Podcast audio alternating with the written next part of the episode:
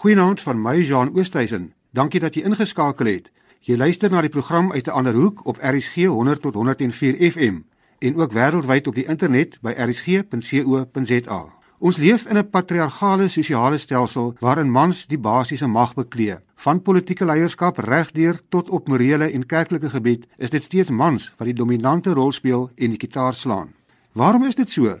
En hoe verander mense hierdie eeuoue stelsel waar vroue as minderwaardig geag word? Beteken verskillende geslagsrolle noodwendig dat 'n vrou 'n minderwaardige plek in die samelewing beklee?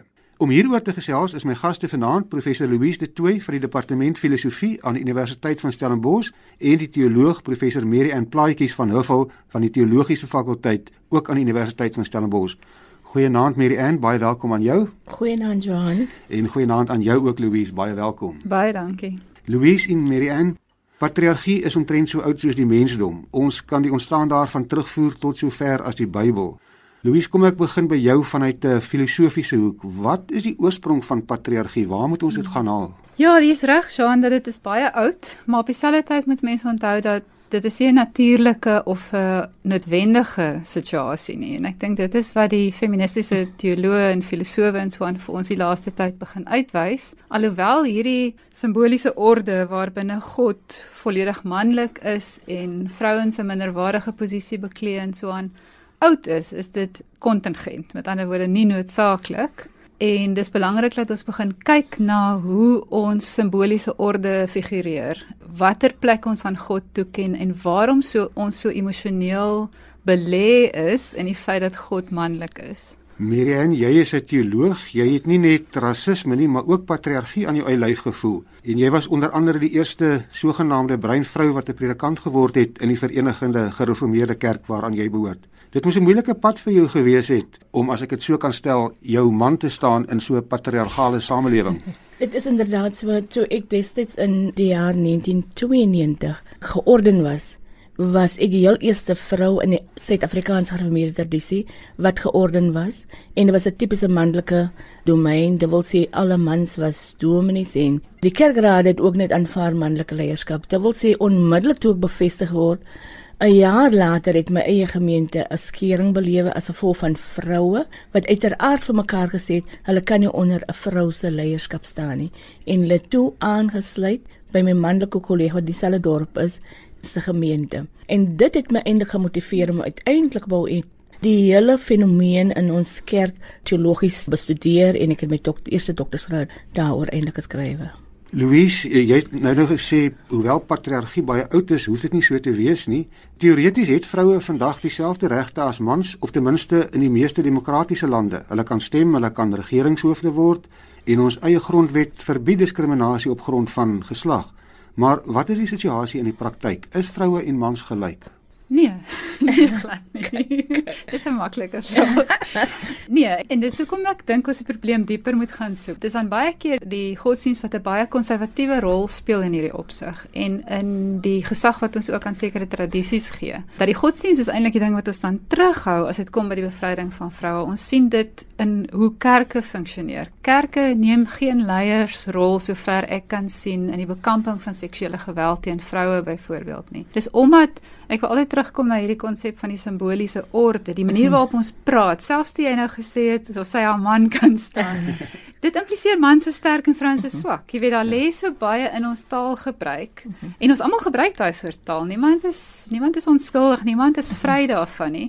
Ek dink dit is baie versoberend om te besef dat argeologiese gegevens soos die boek van Merlin Stone wat praat oor when God was a woman wys vir ons daar's nog 'n vroeër tradisie, nog 'n ouer tradisie as hierdie patriargale monoteïsme waar die groot godin aanbid is. Die godin moeder skepper van alles, jy weet waar die vroulike beginsel van lewe gee, van geboortelikheid Dit is gesien as die beginsel van skepping self. So ons het verskillende tradisies en ek sou sê hierdie sterk monoteïstes wat so sterk patriargaal is, hierdie drie manlike godsdienste domineer eintlik die hele mensdom met hulle simboliek van 'n suiwer manlike god. Ek dink ons moet gaan kyk hoe ons oor God praat. Marianne stem jy saam dat die godsdiens soos wat ons dit ken vandag het 'n groot rol gespeel. Inderdaad is dit so, dit is duidelik in Christelike godsdiens het 'n groot rol gespeel. Veral in Suid-Afrikaanse konteks, ek meen ek kan oorseese bronne ook quoteer, maar wat belangrik is, Suid-Afrikaanse konteks was daar byvoorbeeld teoloë wat hulle hele teologiese arbeid daarop toegelê om te argumenteer daar's 'n spesifieke skepingsorde dat vroue is van 'n laer orde en mans van 'n hoër orde en dit is skepingmatig het dit heeltemal wat dis hoekom ek toelaat my dissertasie skryf het oor die teologiese antropologie. Dit wil sê in ons antropologie op die manier wat ons in die teologie praat oor mense die imago dei die beeld van God maak dit ons sommige mense ander groeperinge laer beskou as onsself. So wat belangrik is wat ek genoem het Louise genoem het is dat taal konstrueer ons realiteite. Dit wil sê die taal binne die teologie het eintlik gekonsideer dat vrouens is die swakker vat en mans is eintlik die sterker vat in die samelewing. Miriam, wat is die situasie in die kerk vandag? Jy het nou wel 'n predikant geword en ek weet jy het ook die eerste vroue moderator geword. Word vroue en mans gelyk behandel nou in die kerk en indien nie, waarom nie? Ek is van mening dat die feit dat enkele vrouens dit maak, maar teken nie noodwendig dat die kerk geskryf het in my eie kerk die VGKSA, is ek van mening dat patriargie en paternalisme is net so lewend as dit was voor ek in die 92 eintlik beroep is, georden is as 'n vroue domie. Dit wil sê ons noem dit embedded. Dit wil sê dit is in die stelsel, is dit ingebou om nie noodwendig 'n vrou as 'n leier te aanvaar, nie noodwendig 'n vrou se teologiese rasionaal self op sy noorde vloer noodwendig te aanvaar nie. So ek het gewone probleem daarmee dat mense vir my as 'n voorbeeld noem dat my eie kerk byvoorbeeld ten volle vrouens gaan vaar het in die rol dat hulle uh, die geslagte eweskansig aanvaar en soos sy reeds genoem Louise is die probleem van gendergeweld ook. Die manier wat die kerke gendergeweld op die oomblik hanteer die hele seksuele oriëntasie debat hanteer toon duidelik daar's nog geweldig. Dit wat ons voorheen genoem het is die skepmatige teologie rondom vrouens word net so oorgeplaas nou in homoseksuele debat. Louise jy het nou nou verwys na die religieuse kan ek maar amper sê regverdiging van patriargie en waar dit vandaan kom Die man is die hoof van die huis, so het mense groot geword en geleer. Dit is 'n tipe teologie wat vandag nog deur baie mense verkondig word. Is dit deel van die probleem? Met ander woorde, dat baie mense patriargie nog steeds Bybels regverdig. O ja, definitief. Ek dink jy kry dit in al die, soos ek sê, al die monoteïsmes. Jy weet, dis nie een kerk of een groepering wat hulle daar self daarin skuldig maak nie. Mense moet amper buite die westerse tradisie gaan soek vir die vroulikheid van die godheid, né? Eh, godinne, vroulike geeste en so aan is volop in ander tradisies, maar in die monoteïsme sit jy hoogstens vir Maria as 'n soort gehoorsame vroue figuur en dan ook nog haar seksuele suiwerheid wat van haar 'n praat nou van buitengewone vroue die niemand van ons kan aan Maria opleef nie. Natuurlik. Ehm um, so so dis 'n dis 'n vreeslike gekompromiteerde figuur daarin. En my ding is om terug te kom by die taal, as ons aanvaar dat God heeltemal transcendent is en dat ons met ander woorde nie weet hoe God regtig is nie en dat ons spreuke oor God metaforiese spreuke is, dan moet ons bereid wees om krities te kyk na daai metafore. En as ons dit nie doen nie, dan is ons eintlik met 'n soort afgodery besig. Dan aanbid ons die ding wat ons self geskep het. en ek dink dis op daai vlak wat ons moet begin praat oor hoekom ons so vasgevall is in hierdie manlike metafore. Waarom gebruik ons nie meer vroulike metafore? Waarom praat ons nie van haar en sê sy sy het my begenadig? Hoekom hoekom gebruik ons dit nie? As ons dan sê man en vrou is albei eweveel na God se beeld geskape dan is God man en vrou en beyond all of that. Miriam, jy is die teoloog. Hoekom gebeur dit so selde in die kerk dat ons God nie ook as 'n vrou kan sien nie? Hoekom is dit nog steeds daai manlikheid? Dit is wat ons noem in teologie te doen met die hermeneutiek. Hermeneutiek beteken die lens waarmee ons na die Bybel toe kom en die Bybel interpreteer in ons tyd. Dit wil sê daar is wel teoloë en ook in die praktyk predikante wat 'n ander lens opsit wanneer hulle na skrifte kyk. Ek is van mening dat dit te doen met teologiese opleiding. Dit wil sê aan die teologiese opleiding as daar wel kennis geneem word dat as ons praat van die drie enige God, dan moet ons ook van God die moederbeeld, die vroulike beeld van God ook in daardie diskurs inbring. So dood eenvoudig beteken dit na maybe 'n fundamentalistiese lees van die Bybel sal duidelik toon jy gaan al die manlike byvoorbeeld name word hulle sien persoonlike voornaam word gaan jy sien en gaan jy sê God is 'n man. Maar tog in die Bybel is daar tog etlike tekste wat die vroulike aard van God na vore bring. Goed, maar daar's nog iets in die Bybel en ek kan vir graag vir altyd vir julle daaroor vra. Ontrouheid aan die vrou se kant word byvoorbeeld in 'n baie ernstiger lig gesien as wanneer mans ontrou is. En ek dink Esegiel 16 en 23 is sprekende voorbeelde van hoe gewelddadig daar opgetree kan word teen vroue wat ontrou is. Dit skep die indruk van 'n baie gewelddadige God teenoor spesifiek vroue. Louise, hoe moet mens hierdie gewelddadige godsbeeld krities evalueer? Want jy het nou-nou gesê mens moet krities hierna kyk. Mm. Ek is nie 'n teoloog nie, so ek kan amper enigiets sê. ek is 'n filosoof. Daar's mense wat sê ons moenie praat van die godsdienste waarteenoor die Christendom en die en die Jodendom hulle self opgestel het as fertiliteitskultusse nie. Die feit dat hulle vroulike seksualiteit vereer het en gevier het, beteken ons moet eintlik die lens omdraai en sê hierdie is steriliteitsgodsdienste. Alhoewel daar klomp vreeslike goed in die Bybel voorkom, is dit 'n absolute goue draad wat deurloop is so en ek is ook nie hermeneut nie, maar is 'n goue draad wat deurloop wat die vroulike liggaam en vroulike seksualiteit gelykstel aan die profane. 'n Vrou moet na sy gemenstrueer dit eers gereinig word voordat sy in die tempel kan kom. So beslis die die manlikheid van daardie godsbeeld is dat hy eintlik 'n renons het, eintlik 'n allergie het in vroulike seksualiteit. Dit is ongelukkig deel van die tradisie en deel van die teks waarmee ons moet worstel. Miriam stem mee saam, mens mag dit maar krities evalueer. Natuurlik, maar aan die ander kant dink ek ook wat belangrik is, mens moet ook die Jesus figuur sy manier van omgang met vroue wat eintlik in daardie konteks beskou was as afvallige vroue en hy sluit dat hulle in binne sy binnekring en wat genoem word vandag miskien as seksuele werkers, sekswerkers. Hy sluit hulle in ook in sy kring en word beskou eintlik as die profeet van die sekswerkers ook. Dit is eintlik wat eintlik vir mekaar van welke mate is moet ons nie miskien meer nie net praat van die onregverdige die wrede God in 'n uh, godsbeeld in die Ou Testament nie maar ook kyk hoe Jesus eintlik 'n ander soort manier van omgang het met diegene wat uit die samelewing uitgestoot is as randfigure. Mens wonder hoe sou dit gewees het as Jesus 'n vrou was?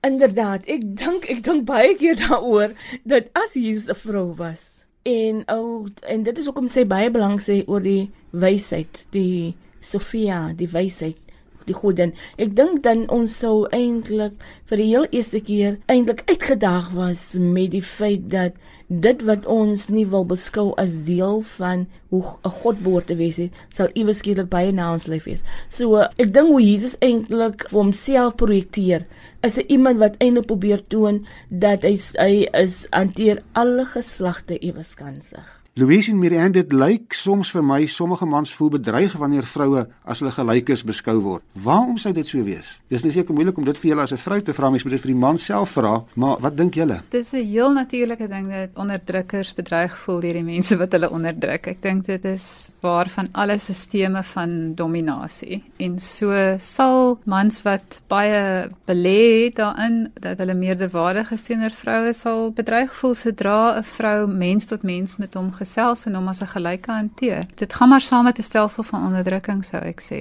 Ek stem heeltemal saam met Louise, maar wat ook belangrik is om te hou, tans in Suid-Afrika bedreiging sal nie eintlik openbaar word nie. Dit wil sê op 'n baie subtiele manier wat dit tans plaasvind. En ek is van mening ons moet ook kyk hoe vrouens op 'n subtiele manier soms uit gesprekke uitgesluit word. So vir my is meerderwaardigheid is dood eenvoudig. Dit wil sê om te sê dat hulle voel meerderwaardig beteken jy erken dat hulle het die rede tot meerderwaardigheid. Ek sal veel eerder wil redeneer dat ek is van mening daar is iets soos professionele jaloesie, daar's iets soos en dit kan in, in verskillende sisteme kan dit duidelik te voorskyn kom. Dit kan ook ook wees dat jy sluit vrouens uit dood eenvoudig omdat jy van mening is dat die manlike persoon kan besmoontlik die werk beter gedoen het, maar na my mening is dit 'n kultuurding. Dit kan ook 'n kulturele ding wees. Dit wil sê noodwendig om paternalisme of meerderwaarde, maar ook 'n kultuurding wat eintlik omdat ek uit 'n sekere groepering, ras of kultuurgroepering kom, in my kultuur is dit dat vrouens moet nie hierdie soort rol in die samelewing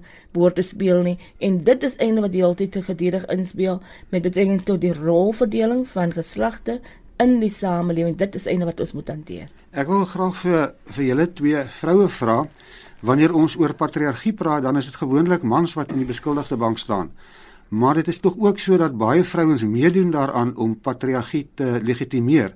Ek bedoel daar's nog steeds vroue wat sê dit is reg dat 'n man die hoof van die huis is en dikwels gebruik hulle dan ook die Bybel om daardie standpunte te regverdig. Nou hoe sal 'n mens ooit van patriargie ontslaa raak as selfs vroue help om dit in stand te hou, hmm. Louise? Ek wil weer sê dis tipies van enige orde van oorheersing dat daar van die mense is wat oorheers word, wat inkoop in daai stelsel. Ons sien dit met elke enkele so 'n soort stelsel. Die ANC se vroue liga kom dadelik by my op. Vrouens wat kan baat vind, jy weet, wat 'n soort van indirekte mag kry omdat hulle die regte mans ondersteun. Mm -hmm. Natuurlik sal jy dan daai pad kies, jy weet. So ek dink daar is verskriklik baie vroue wat patriargale mag omhoog hou omdat dit hulle op 'n manier beskerm om of omdat dit op 'n indirekte manier vir hulle ook in 'n begunstigde posisie bo ander vroue stel. Maar is vir my as feminis vreeslik belangrik om 'n onderskeid te maak tussen jou biologiese geslag en jou politieke posisie wat jy inneem. Die feminisme gaan nie vir my saam met biologiese geslag nie, maar met jou jou siening van sake.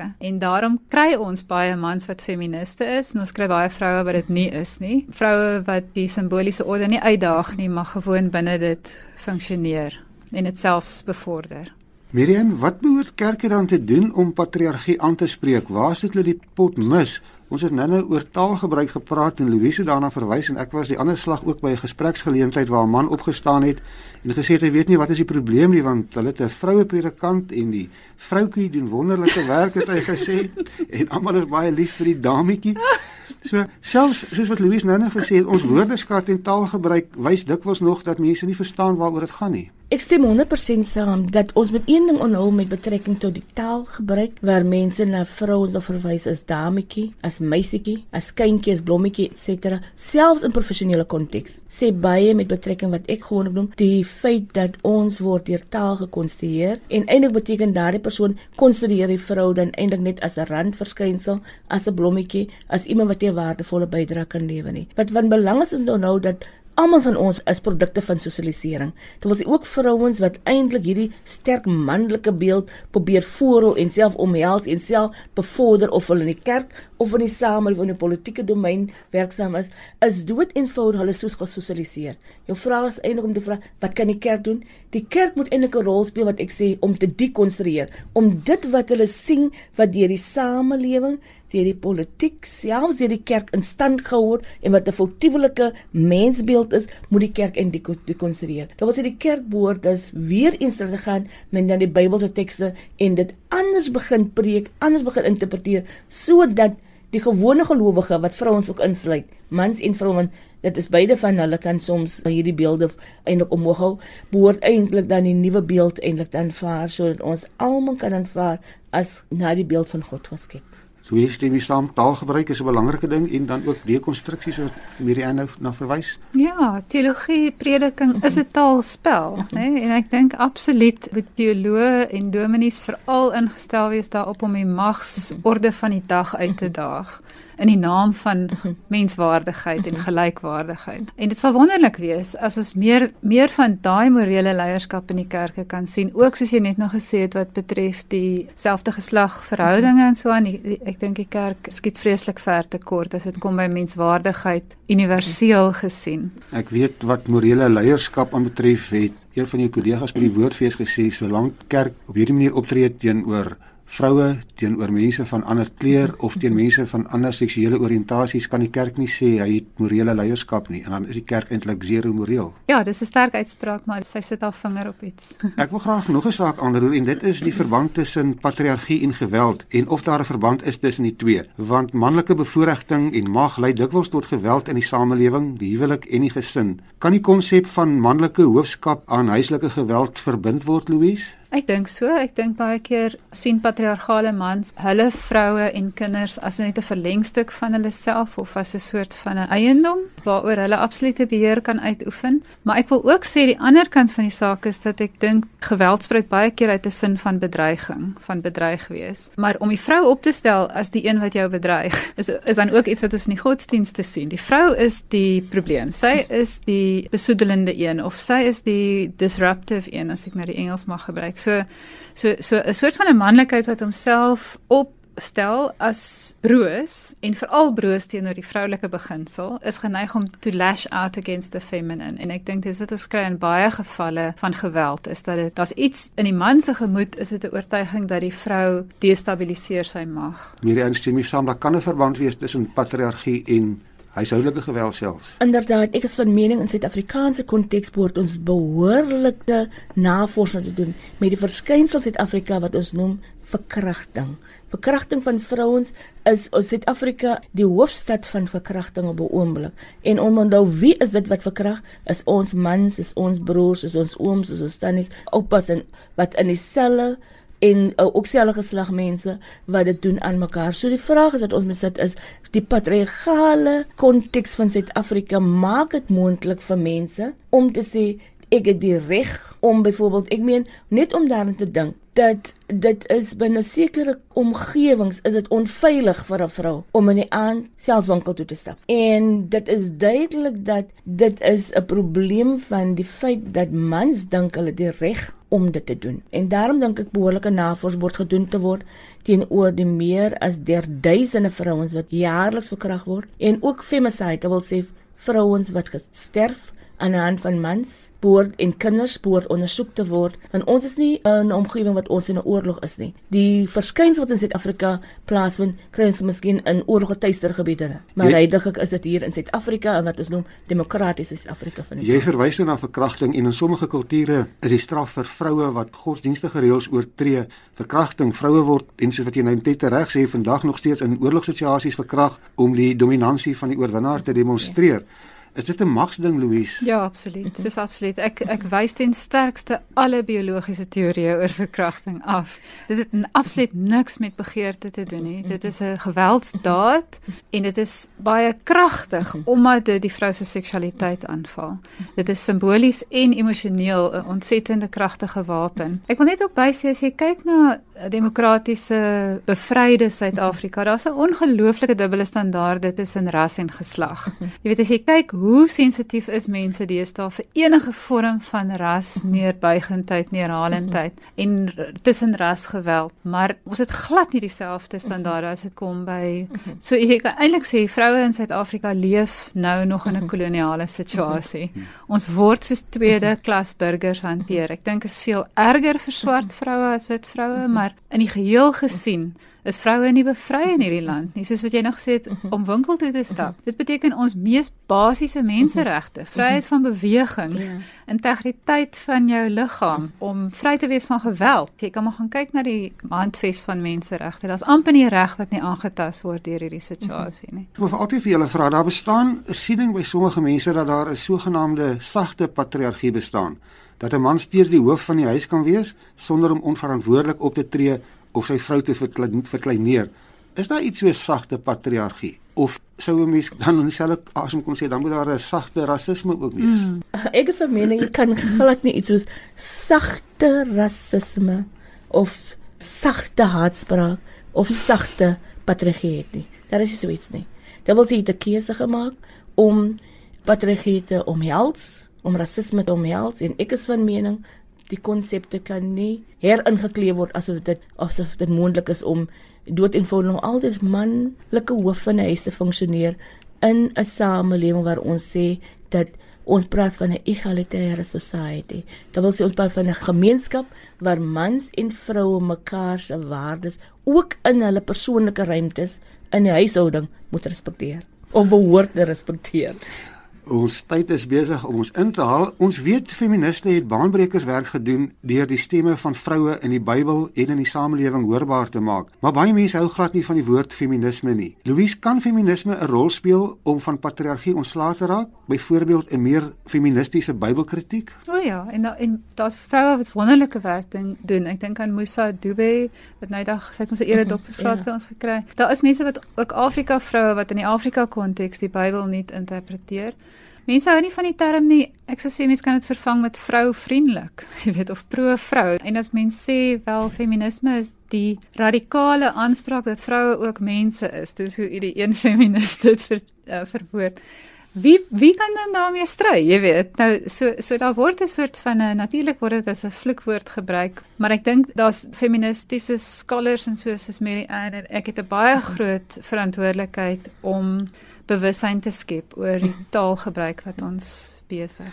Ons tyd is verstreke net 'n laaste kort woord van elkeen van julle aan die mans, aan die vroue, maar veral ook aan die geloofsgemeenskappe in die samelewing. Hoe moet ons dan die verskillende geslagsrolle in 'n moderne samelewing hanteer, Marianne? Ek is van mening dat ons moet kennis neem daar is geslagsrolle. En ons moet ook vir mekaar sê dat die kerk en die politiek en ons almal het 'n rol gespeel om die rolle wat heiliglik vandag daar is te konstrueer met taal. Die enigste manier uit vir ons is deur middel van taal dit te dekonstrueer. Ek is ook van mening dat ons kan soos vir Kou gesê het, nuwe inhoud kan ons byvoorbeeld vir konsepte gee, maar ek is ook van mening ons moet verskriklik versigtig wees om te dink dat as ons dit net patriargie inkleem te sê dit is sal beter aanvaarbaar wees, dit is nie so nie. Wat ons nodig het is mense wat sal die Bybelse boodskap, die antropologie, die logsantropologie, ook so geskiedenis in ons land te dekonstrueer en ander inhoud daarin gee hoe ons gesamentlik op weg kan gaan in die toekoms. 'n Laaste woord van jou Louise. Ek wil altyd sê die simboliese is baie belangrik, maar ook die materiële. En ek sou baie graag wou sien dat geloofsgemeenskappe meer konkrete tekens van hoop tot stand bring vir vroue, soos byvoorbeeld safe houses of om die spesiale howe te ondersteun en om daar vroue by te staan om 'n baie sterk openbare standpunt teen die mishandeling van vroue in te neem. Hoekom het ons dit nog nie gesien nie?